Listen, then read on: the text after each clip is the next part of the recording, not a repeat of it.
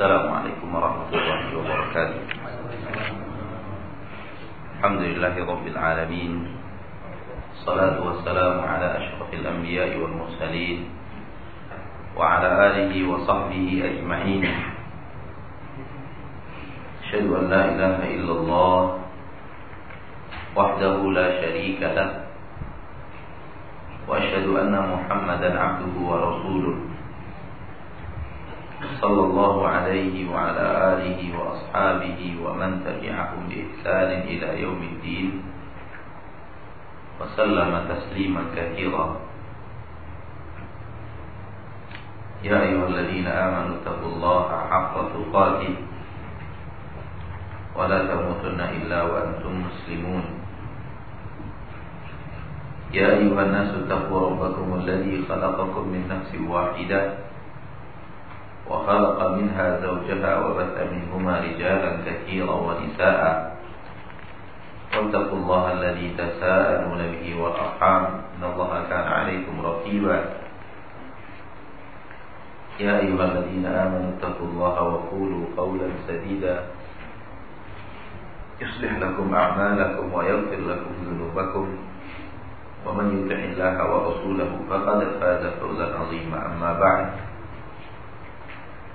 فإن أصدق الحديث كتاب الله وخير الهدي هدي محمد صلى الله عليه وسلم وشر الأمور محدثاتها فإن كل محدثة بدعة وكل بدعة ضلالة وكل ضلالة في النار.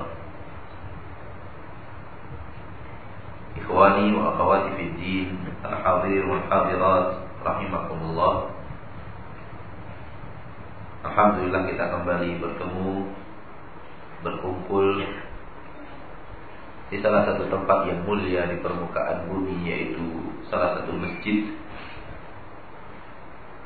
Untuk membahas sebuah ilmu Yang paling mulia di permukaan bumi Yaitu ilmu Tauhid Berangkat dari sebuah buku Karya seorang ulama Ternama Syekh Muhammad bin Abdul Wahab dalam bukunya yang luar biasa ini Kashfu Syubuhat membantah argumentasi-argumentasi orang-orang yang berbuat kesyirikan. Dan kita telah menyelesaikan dua argumentasi para pelaku syirik. Kita ingatkan kembali pertama argumentasi mereka bahwa kami bersaksi bahwa Allah Subhanahu wa taala adalah pencipta mengatur alam akan tapi para nabi dan para rasul dan orang-orang saleh memiliki kedudukan di sisi Allah Subhanahu wa taala. Maka kami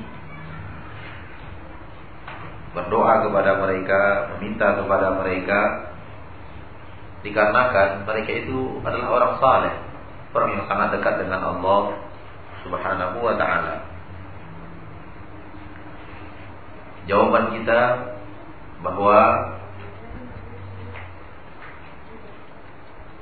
orang-orang kufar di zaman Rasulullah sallallahu alaihi wasallam itu yang mereka katakan bahwa mereka mengatakan hal yang seperti itu.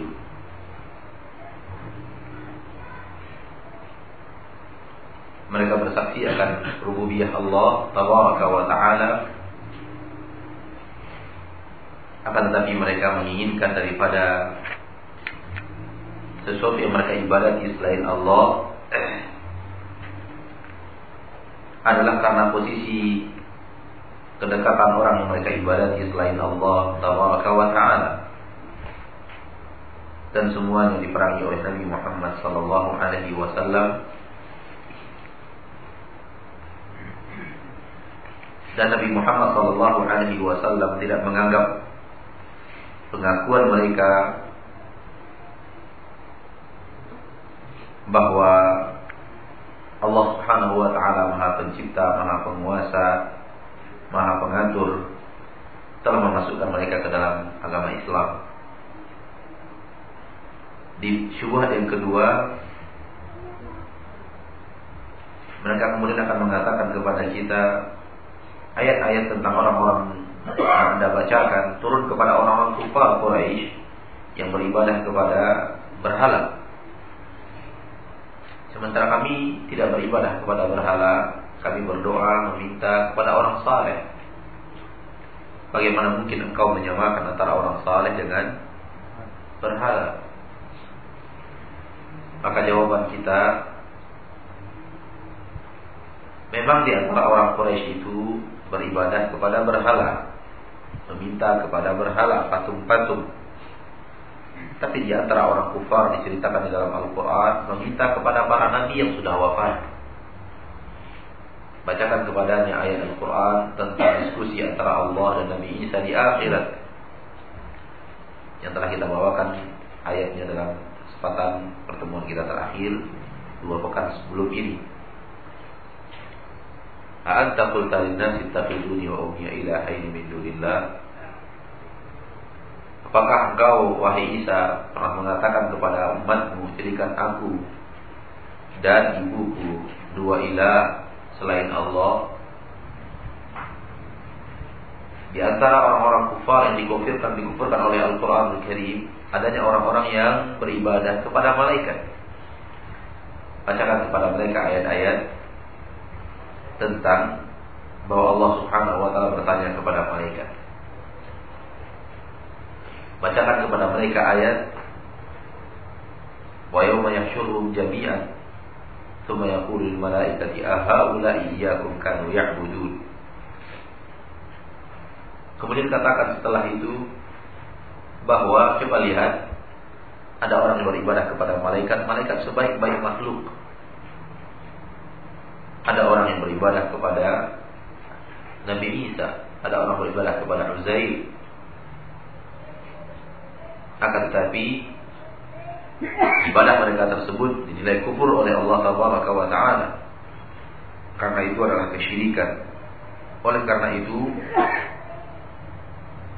ke mana pun kalian memberikan ibadah kalian selain kepada Allah, baik kepada berhala atau kepada orang saleh seperti yang anda katakan, sama saja. Ketika tidak diberikan kepada Allah Subhanahu wa taala semata, diberikan kepada sesuatu selain Allah, maka inilah kesyirikan. Dan kesyirikan itu akan mampu mengeluarkan Anda dari jalan Allah, dari agama Allah Tabaraka wa Ta'ala. Baik, secara ringkas, setelah kita ulang dua syubhat dan dua jawabannya, masuk kita sekarang kepada syubhat yang ketiga. Fa'in al-kuffaru di halaman 105 ya. Fa al-kuffaru apabila berkata kepadamu orang-orang yang melakukan kekufuran dengan kesyirikan tersebut yuriduna minhum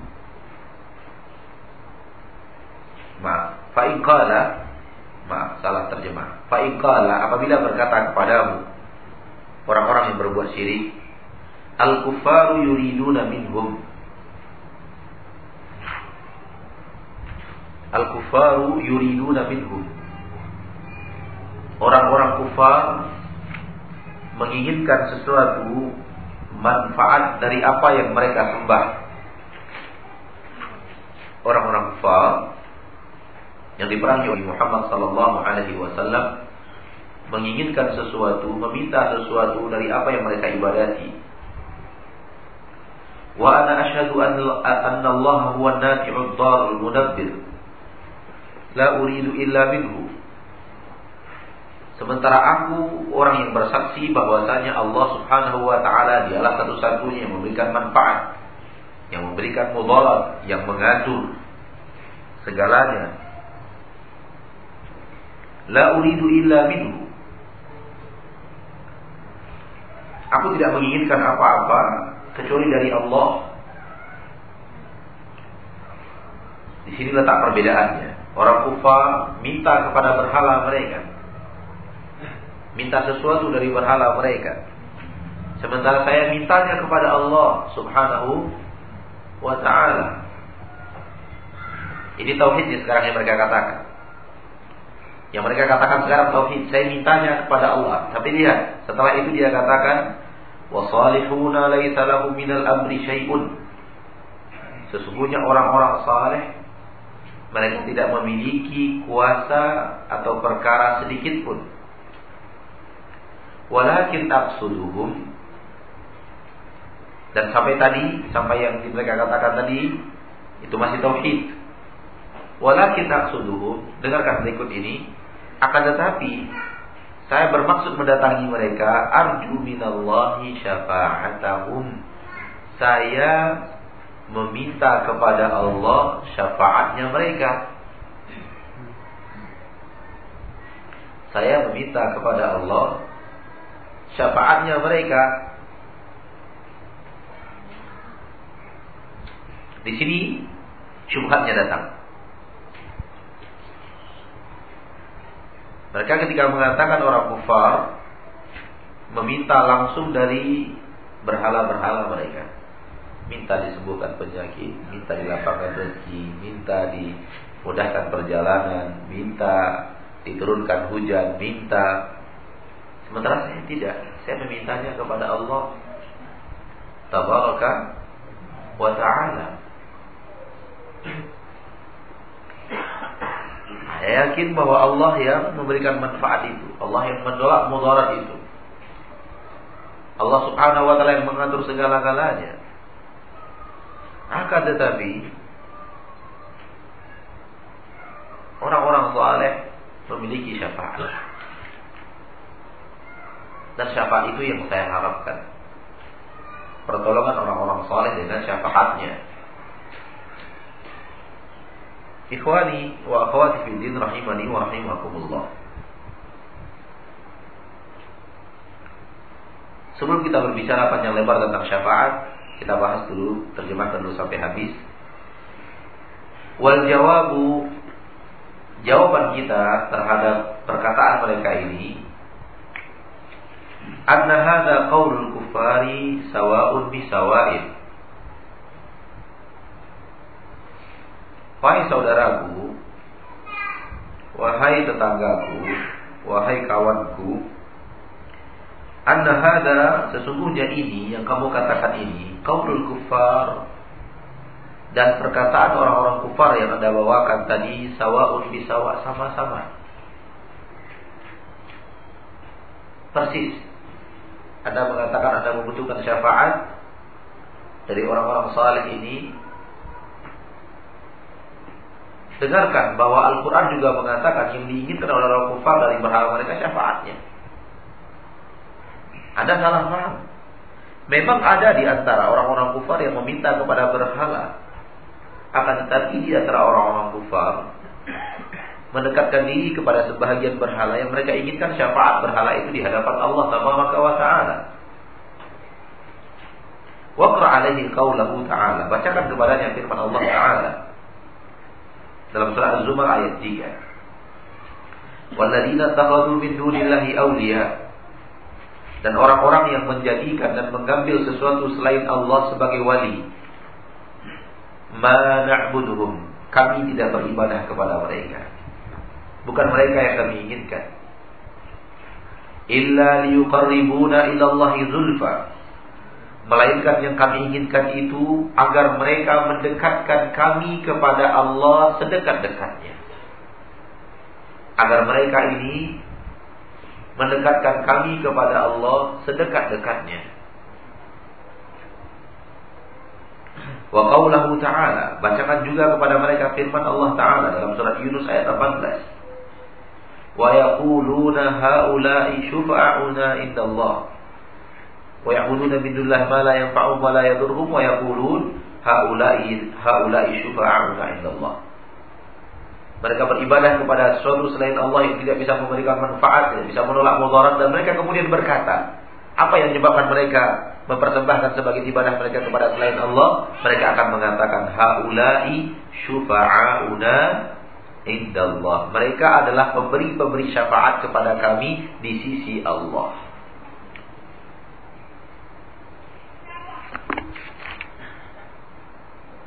Baik. Sampai di sini dulu terjemahan kita. Ada sebuah pertanyaan yang perlu kita cerna dengan baik.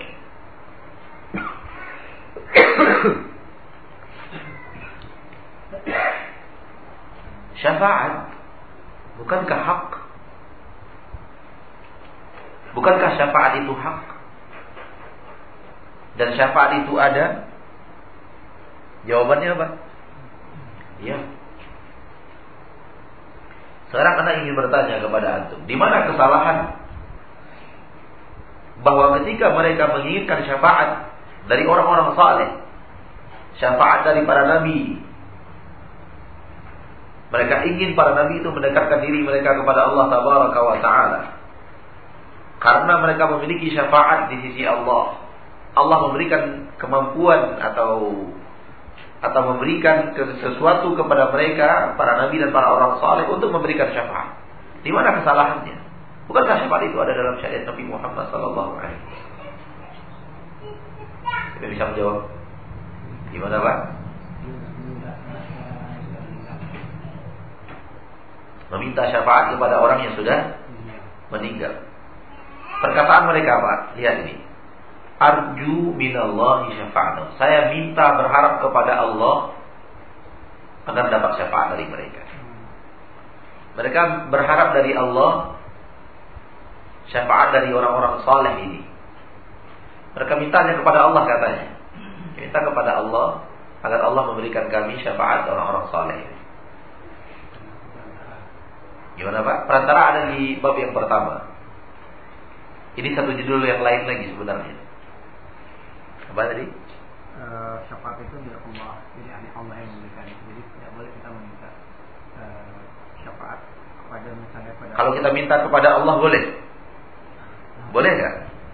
Kalau kita minta kepada Allah agar Allah memberikan mereka para nabi dan para rasul itu syafaat kepada kita, boleh nggak? Kita minta kepada Allah agar Allah Subhanahu wa taala memberikan kepada kita syafaat dari para nabi dan para rasul, boleh nggak? Lalu apa salahnya di sini?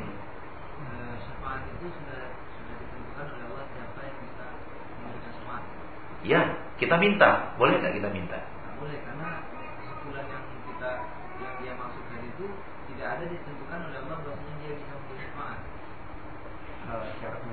Para nabi dan para rasul Tidakkah mereka akan memberikan syafaat kepada umatnya? Itu akidah halus sunnah wal jamaah. Syarat-syarat mendapatkan syafaat itu adalah sama dengan ibadah sesuai dengan. Iya. Iya. Enggak, enggak ada yang menyentuh sedikit pun. Apa? Siapa adanya? Oke, haknya Allah. Dia mengatakan saya meminta kepada Allah, berharap dari Allah agar mendapatkan syafaat mereka. Perhatikan. Syafaat baru ada di akhirat.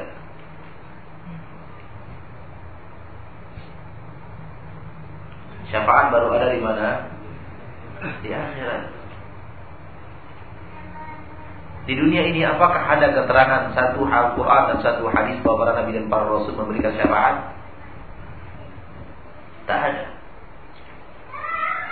Ini syubhat yang kuat di antara mereka. Bahwa mereka memiliki merasa bahwa dalam keyakinan mereka keberadaan para nabi dan para rasul yang dia, yang sudah wafat itu memiliki kekuatan, memiliki syafaat di sisi Allah Taala.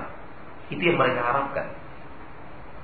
Syafaat hak pembicaraannya di mana? Di akhirat. Sementara dunia sudah putus antara hubungan pertolongan para nabi dan para rasul kepada umatnya. Karena mereka sudah wafat. Dan itu yang diyakini oleh para sahabat. Itu yang wajib diyakini oleh seorang muslim dan muslimah. Sehingga ketika Baca di Madinah para sahabat sedikit pun tidak datang ke kuburan Rasulullah Sallallahu Alaihi Wasallam. Minta agar agar Rasulullah membantu mereka mendoakan sesuatu kepada Allah Tabaraka wa Taala. Pertolongan itu sudah habis di dunia sudah putus, tidak ada lagi sudah. Kalau kita berbicara syafaat di akhirat, ini pembicaraan yang hak. Dan itulah yang tentu katakan tadi. Bahwa datangnya dari Allah izinnya datangnya dari Allah tabaraka wa taala akan tetapi pemahaman mereka tentang syafaat syafaat itu berlaku di dunia dan itu yang mereka kejar-kejar bantuan dari orang-orang yang mereka ibadati bantuan daripada orang-orang yang mereka ibadati, mereka berdoa kepadanya, yang mereka bermunajat kepadanya, yang mereka memanggil-manggil namanya di saat dalam keadaan musibah dan sekarang juga memanggil-manggil namanya dalam keadaan senang, dalam bahagia.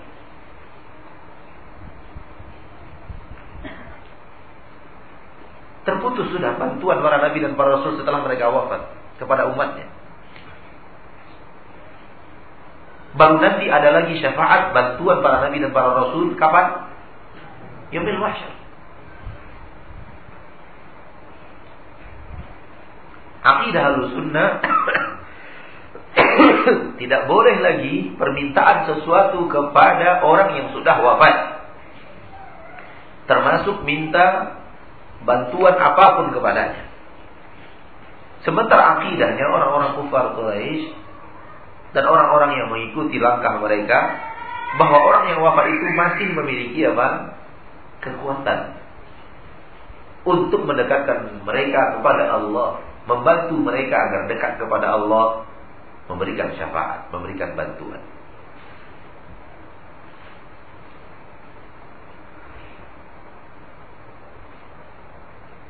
Jadi ketika mereka mengatakan Allah yang memberikan manfaat, Allah yang menolak mudarat, Allah yang mengatur. Kami tidak minta dari dari mereka. Kami mintanya dari Allah. Dan mereka orang-orang saleh ini tidak mampu apa pun. Akan tetapi yang kami butuhkan dari Allah dan syafaatnya mereka. Katakan kepada mereka, nggak ada lagi syafaat itu. Habis sudah.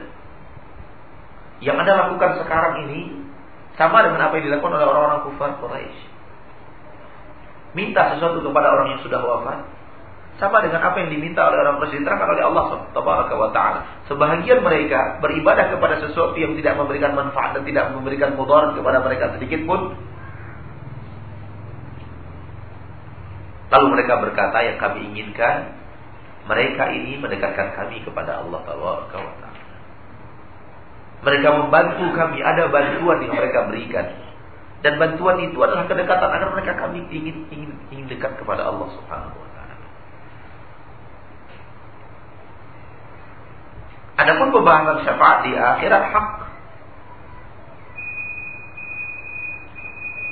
dan syafaat di akhirat ada dalam beberapa poin. Poin pertama, seluruhnya syafaat itu milik Allah taala. Sesungguhnya syafaat itu milik Allah. Ini pembahasan syafaat di mana nih? Di akhirat. Bukan lagi di dunia. Di dunia habis. Bantuan apa pun dari orang yang sudah wafat habis.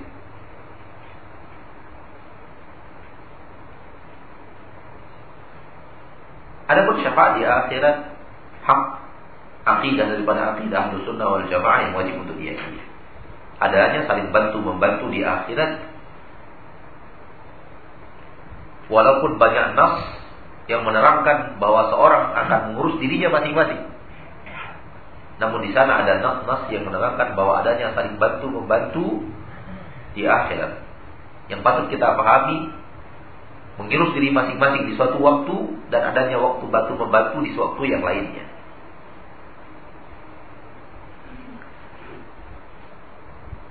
Akidah pertama tentang syafaat di akhirat semua syafaat itu milik Allah.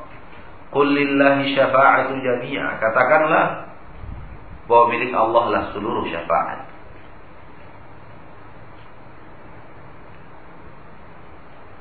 Al-Quran Al-Karim. Katakanlah bahwa milik Allah seluruh syafaat.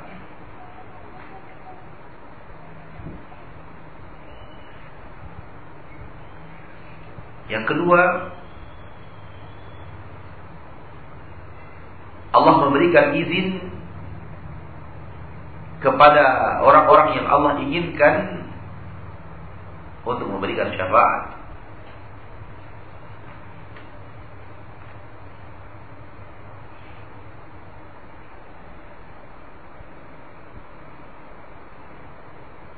Man alladhi yashfa'u indahu illa bi'idnih.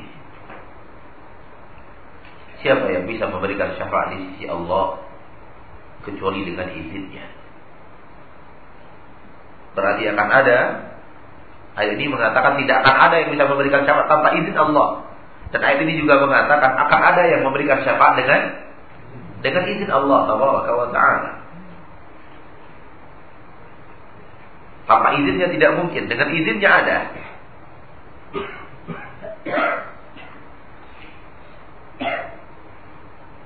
Yang ketiga,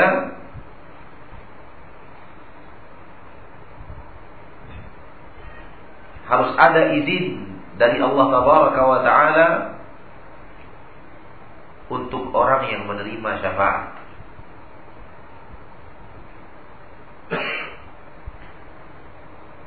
Dalam Al-Quran wala yashfa'una illa liman irtada. Dan mereka tidak akan memberikan syafaat itu kecuali kepada orang-orang yang Allah ridhoi. Berarti harus ada izin ridho Allah kepada seseorang untuk menerima syafaat dari orang yang Allah telah berikan izin kepadanya memberikan syafaat. Jadi di sini ada dua izin, izin kepada yang memberikan syafaat dan izin untuk orang yang menerima syafaat. Oleh karena itu, ketika kedua-duanya harus melalui proses izin Allah, itulah maknanya bahwa sebetulnya syafaat itu milik Allah semuanya. Semuanya milik milik Allah Taala. Ketika izin itu tidak ada, sama di poin yang keempat, ketika izin itu tidak ada, maka tidak ada yang bisa memberikan syafaat. Ketika izin itu tidak ada, maka tidak ada yang bisa memberikan syafaat. Di dalam surat Al-Muddathir, "Fama tanfa'uhum syafa'atu syafi'i." Tidak akan ada yang memberikan manfaat kepada mereka syafaat siapa pun yang memberikan syafaat tidak akan memberikan manfaat apa pun kepada mereka. Kapan itu? Apabila tidak ada izin dari Allah untuk mendapatkannya. Maka orang kufar yang tidak diizinkan oleh Allah dan orang-orang Islam yang tidak diizinkan oleh Allah Taala mendapatkan syafaat siapa pun yang ingin memberikan syafaat kepadanya tidak bisa. Siapa pun yang ingin memberikan syafaat kepadanya tidak bisa. Tapi kalau diizinkan oleh Allah untuk mendapatkan syafaat, bisa. Dan di dalam akidah Ahlussunnah wal Jamaah bahwa syafaat itu pun berlaku untuk ahli neraka. Bukan hanya ahli surga. Adanya syafaat Rasulullah sallallahu alaihi wasallam untuk dikurangkan adab dari jatah yang seharusnya dia dapatkan. Itu dikatakan Rasulullah SAW terhadap pamannya Abu Talib.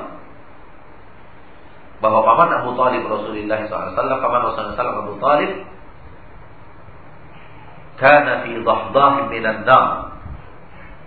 Dia berada pada neraka yang apinya hanya sedikit rendah.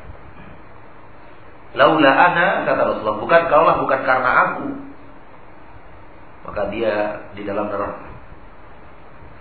Ini menunjukkan kata para ulama di dalam hadis ini bahwa Rasulullah memberikan syafaat dengan izin Allah kepada pamannya Abu Talib untuk diringankan adabnya dari yang semestinya dia dapatkan.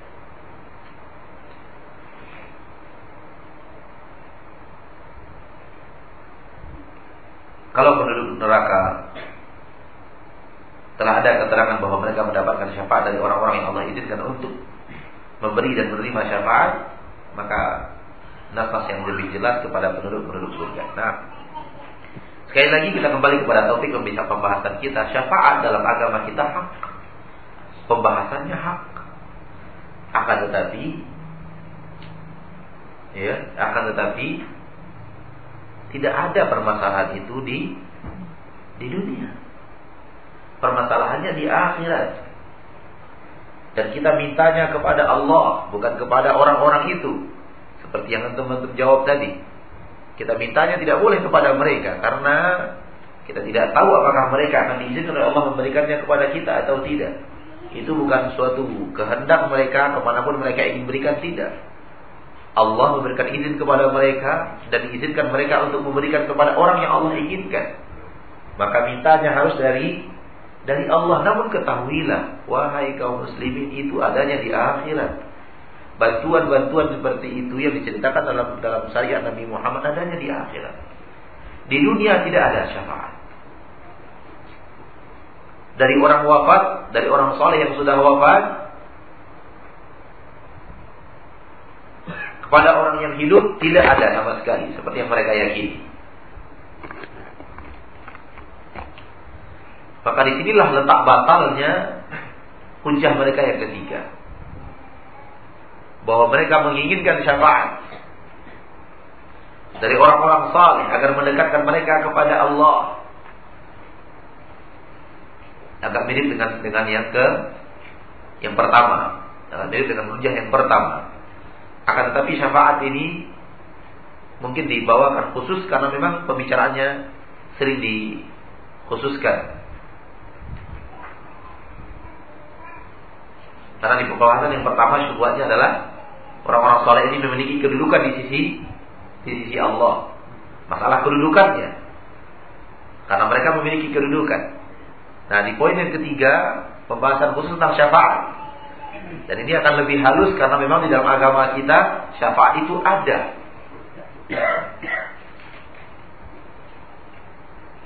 Namun tidak di dunia, keberadaannya di akhirat.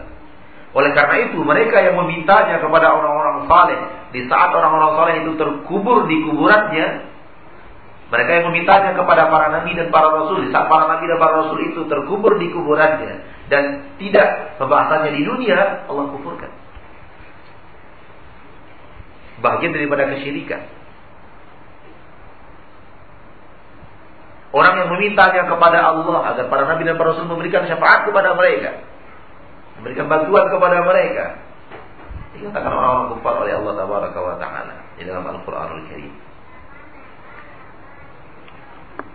InsyaAllah bisa dipahami.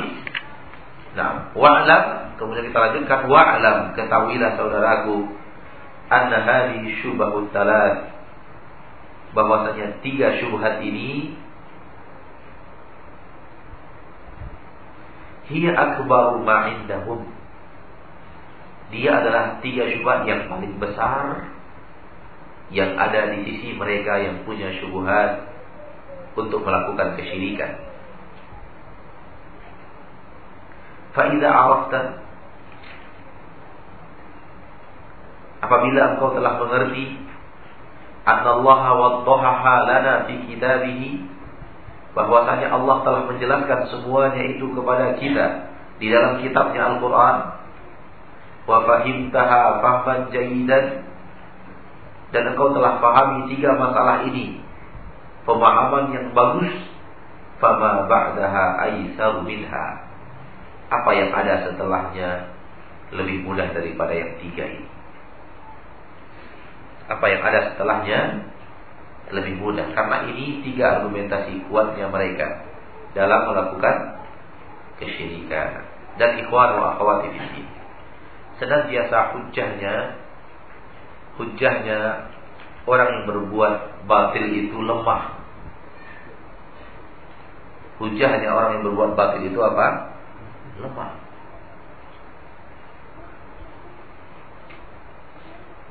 Lihat sejauh pantauan Syekh Muhammad tentang hujah-hujah mereka yang paling kuat ditemukan ini tiga tiga hujah mereka yang paling kuat.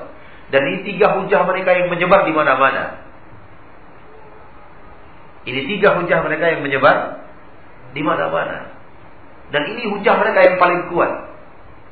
Ternyata lemah. Al-Quran pun telah membatalkannya. Al-Quran pun telah membantahnya. Oleh karena itu Allah menerangkan di dalam Al-Quran bahwa orang-orang berbuat syirik kepada Allah, mereka menjadikan rumah bagaikan rumahnya laba-laba. Wa inna awhanal buyut ila baitul ankabut. Rumah yang paling lemah kata Allah rumahnya lama-lama.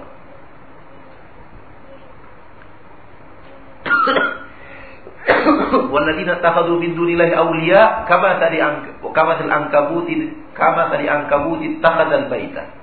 Orang yang menjadikan selain Allah wali-wali sesembahan selain Allah bagaikan laba-laba yang mengambil sebuah rumah, menjadikan sebuah rumah. Di atas sebuah rumah itulah laba-laba itu bergantung. Ya, di atas hujah-hujah itulah mereka para orang-orang yang melakukan sesuatu kesyirikan bergantung. Wa inna awhana al-buyuti la baitul ankabut.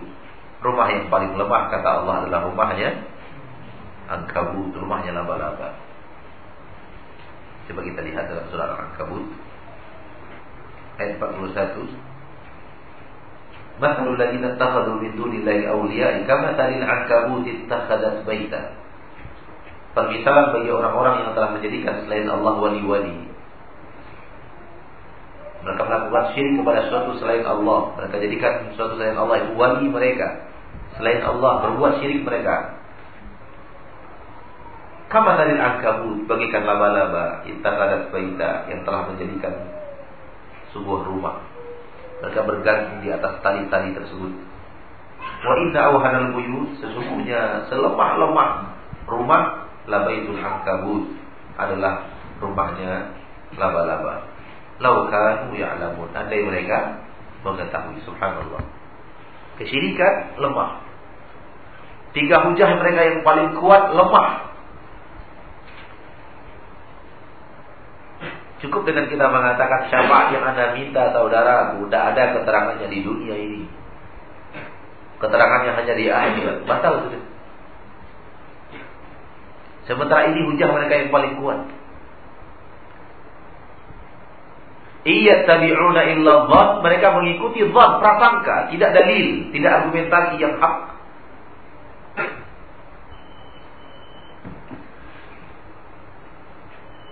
Syekh Abdul Utsaimin rahimahullah taala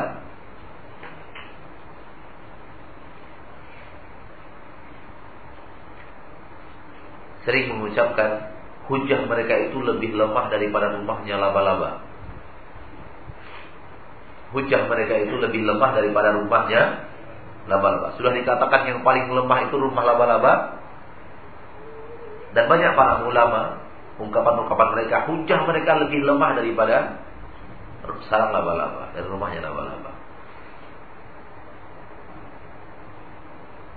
Dan di salah satu bukunya beliau berkata, saya rujuk kepada Allah dari pendapat perkataan saya, hujah mereka lebih lemah daripada laba-laba, rumah laba-laba. Karena Allah mengatakan yang paling lemah itu rumah laba-laba. Tidak ada lagi yang lebih lemah daripada itu.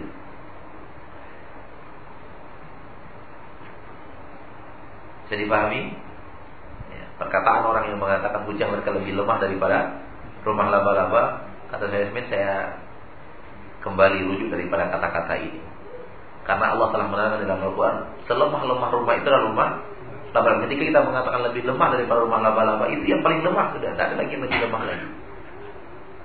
Itu pendapat beliau. Dan ke usaha beliau untuk tetap tidak mendahului sesuatu daripada Al-Quran dan dan sunnah. Ketiga-tiga hujah ini, ketiga-tiga hujah ini kaum muslimin wal muslimat larinya kembali kepada satu titik poin, kecintaan yang berlebihan kepada orang Kecintaan yang berlebihan kepada orang saleh. Maka seperti yang diterangkan oleh seluruh para ulama akidah Kesyirikan yang sangat mulus bagi syaitan menjerumuskan orang Islam ke dalam kesyirikan di saat ia berhasil menanamkan kecintaan berlebihan kepada orang-orang yang mereka anggap saleh. Itu pintu yang paling mulus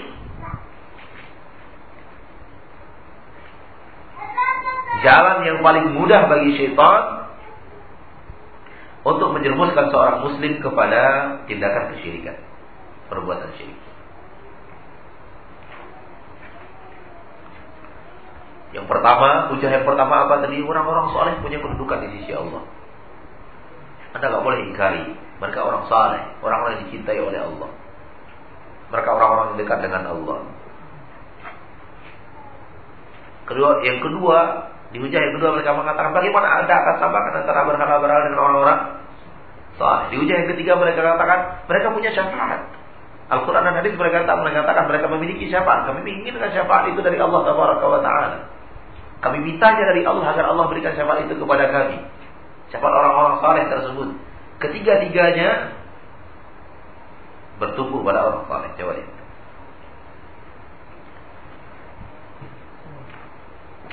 Oleh karena itu syaitan ketika berhasil menanamkan syirik ke permukaan bumi daripada itu. Daripada kecintaan kepada orang-orang soleh. Kita masuk kepada hujah yang keempat. Fa'in qala syubhat mereka yang keempat.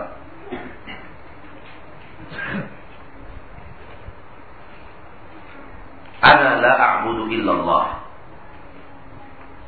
Saya tidak beribadah kecuali hanya kepada Allah. Wa hadha al-iltija'u ila salihin wa du'a'uhum laysa bi'ibadah.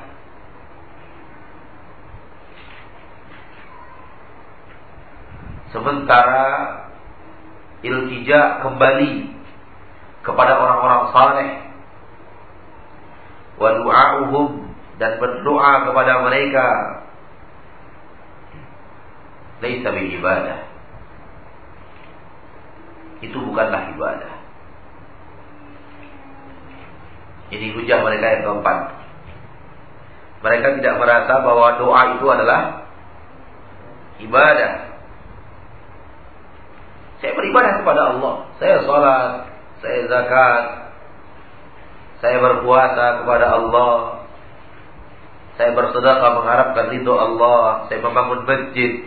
Saya memberikan santunan kepada yatim piatu. Saya begini, saya begitu. Ibadah saya hanya kepada Allah. Cuma dalam masalah ini saya meminta sesuatu kepada orang-orang yang dekat dengan Allah, minta sesuatu kepada orang saleh. Dan itu bukan berarti saya beribadah kepadanya. Saya sujud dan, dan sujud dan rukuk kepada Allah, khusyuknya kepada Allah, taubatnya kepada Allah. Dan doa bukanlah ibadah. Doa sekedar permintaan begitu saja. Ini tidak masuk ibadah. Fakul lahu katakan kepadanya Anta tuqirru anna Allah fardhu 'alaika al ibadah? Apakah engkau mengakui Apakah engkau mengakui bahwasanya Allah Taala wa taala mewajibkan kepadamu mengikhlaskan seluruh ibadah kepada Allah? Apakah kau akui itu? Wahuwa haqquhu alaika dan apakah engkau mengakui bahwa itu adalah hak Allah atasmu? Bahwa wajib bagi seorang hamba mengikhlaskan seluruh ibadah kepada Allah. Fa in qala laka na'am fa idza qala laka na'am apabila ia berkata kepadamu menjawabmu dengan kata-kata na'am ya Fakul lahu, katakan kepadanya. Bayin li hadzal ladzi farada 'alaika. Terangkan kepadaku.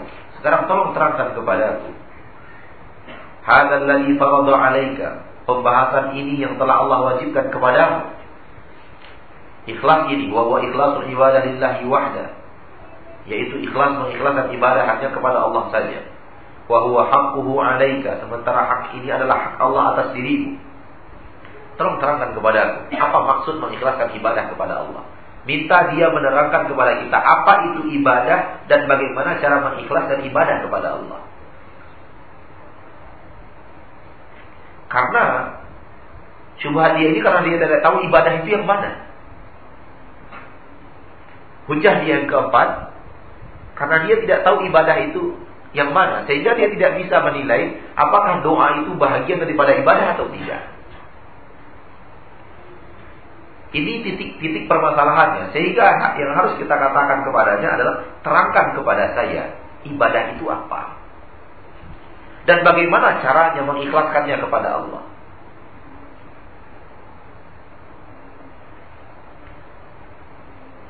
Kalau dia bisa menjawab ibadah dengan benar, dengan mudah kita akan akan mengatakan, bukankah doa termasuk daripada apa yang Anda terangkan? Kalau dia tidak bisa menerangkan apa itu ibadah, kita terangkan kepadanya apa itu ibadah. Bahwa ibadah itu adalah seluruh tindakan perbuatan yang diridhoi oleh Allah, dicintai oleh Allah tabaraka wa taala. Sebagaimana yang didefinisikan oleh para ulama tentang ibadah.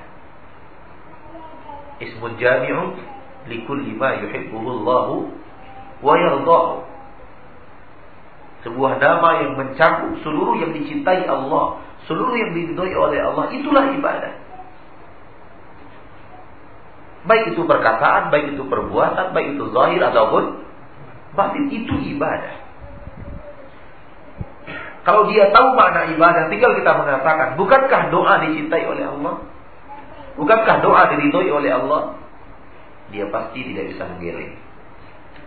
Dia pasti berkata, ya, berarti ini ibadah, Mas. Kalau ini ibadah, bukankah ikhlas kepada Allah harus diberikan hanya kepada Allah?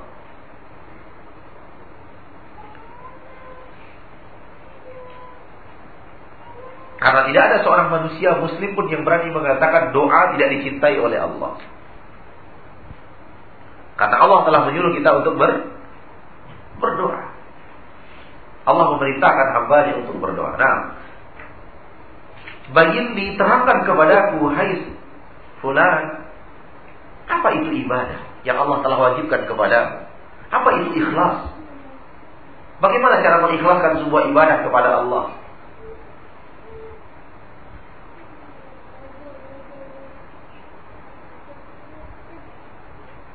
Fa'in kana la ya'riful ibadah Apabila dia adalah orang yang tidak tahu apa itu ibadah Wala anwa'aha Juga tidak tahu apa itu. Pembahagian ibadah. Fabayyidha lahu Terangkan kepadanya ibadah itu apa? Apa yang dimaksud dengan ibadah? Apa yang dikatakan dengan ibadah?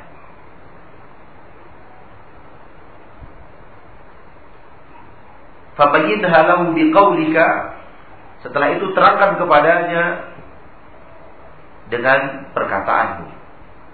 Terangkan. Pahamkan dia ibadah itu apa.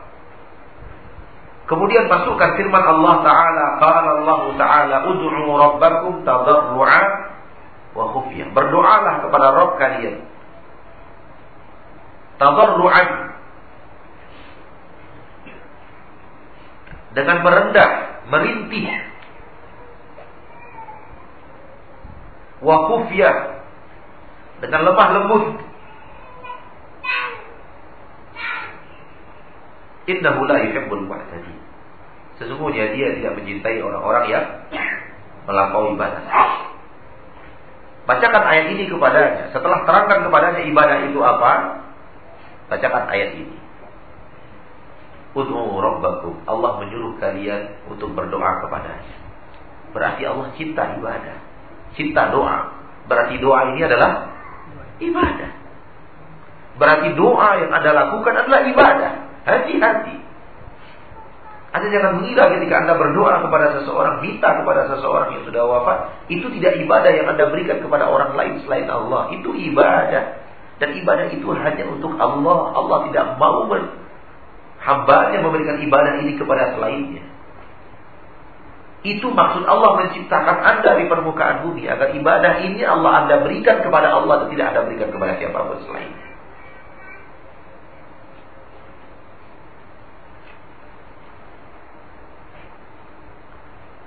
Faiza a'lam tahu bihada. Apabila telah kau beritahu dia dengan hal yang seperti ini, ibadah itu karena dia buta tentang apa makna ibadah. Sehingga dia merasa doa bukan bagian daripada ibadah. Fakullahu katakan setelah itu kepadanya, hal alimta hal alimta hada ibadatan lillah. Kalau kamu sudah tahu bahwa Allah telah mencintai ibadah, ibadah adalah apa yang Allah cintai dan kamu telah tahu Allah cinta doa. Allah mencintai doa daripada hamba-hambanya. Apakah kau tahu bahwa sesungguhnya doa ini adalah ibadah untuk Allah SWT. Fala buddha an yakula na'am. Pada saat itu dia pasti akan bisa akan berkata ya. Dia tidak akan bisa lari. Wa du'a'u mukhul ibadah. Dan doa adalah otaknya ibadah, mukhul ibadah. Akan tapi ini berasal dari hadis yang dhaif. Akan tapi ini berasal dari hadis yang dhaif. Hadis yang sahih ad-du'a huwa ibadah, bukan mukhu. Ya, mukhu adalah otak, pusatnya ibadah. Ia ada di sini dan ada di dalam kitab Usul Salasa. Ada di dalam kitab Usul Salasa. Tetap beliau membawakan kata-kata ini. Wa du'a ibadah. Dan dalam, di dalam Usul Salasa beliau mengatakan hadis dari Muhammad SAW. Dan hadis dalam lafaz seperti ini, walaupun maknanya benar, lafaz seperti ini berasal dari hadis yang sahih. Hadis yang sahih, doa huwa ibadah. Doa adalah ibadah, bukan yang ini.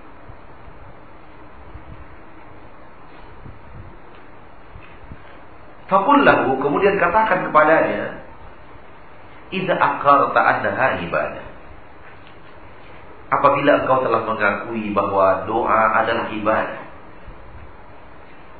Wa lailan wa naharan khawfan wa tama'a. Dan kemudian engkau berdoa kepada Allah siang dan malam, takut dan harap berdoa kepada Allah dalam waktu yang panjang ثم دعوت في تلك الحاجة نبيا أو غيره Namun ada satu hajat yang kamu inginkan Dalam doamu Kamu berdoa kepada Nabi Atau ghairahu Atau yang lain berdoa kepada wali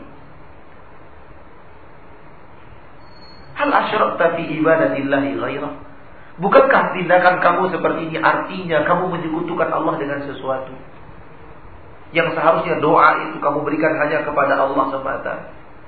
Yang Allah inginkan darimu, hak Allah terhadapmu. Ibadah yang kamu lakukan karena Allah semata, untuk Allah semata. Kemudian kamu berdoa kepada Allah siang dan malam. Dalam hajat yang satu ini, kamu memintanya kepada Nabi. Kamu memintanya kepada wali. Kamu memintanya kepada orang yang wafat yang saleh yang ada di, di samping rumahmu kuburan keramat yang ada di kampungmu tidak akan bertanda engkau menyekutukan Allah dengan sesuatu dalam sebuah perbuatan ibadah. Fa'ala buddha an yakun nah. Tidak bisa dia mengatakan kecuali iya. Berarti saya beribadah selama ini kepada Allah, saya juga mempersembahkan ibadah kepada selain Allah. Fakullahu katakan kepadanya Idza alimta biqaulillahi ta'ala. Apabila kamu tahu tentang firman Allah Ta'ala Fasalli li rabbika wanhar. Maka salatlah untuk Rabbmu dan penyembelihlah. Oh ini masuk kepada pembahasan yang keempat Ini sudah masuk kepada sembelihan ini. Kita cukup sampai di sini dulu. Ya, pembahasan tentang doa dan syafaat. Di poin yang ketiga ada syafaat di poin yang keempat ada ada doa. Semoga Allah Subhanahu wa taala memperjelas kepada kita jalan ibadah yang sesungguhnya jalan ikhlas yang hak dan menjauhkan kita daripada menyekutukan Allah Subhanahu wa taala dalam sesuatu ibadah kepadanya. Sallallahu alaihi wasallam Muhammad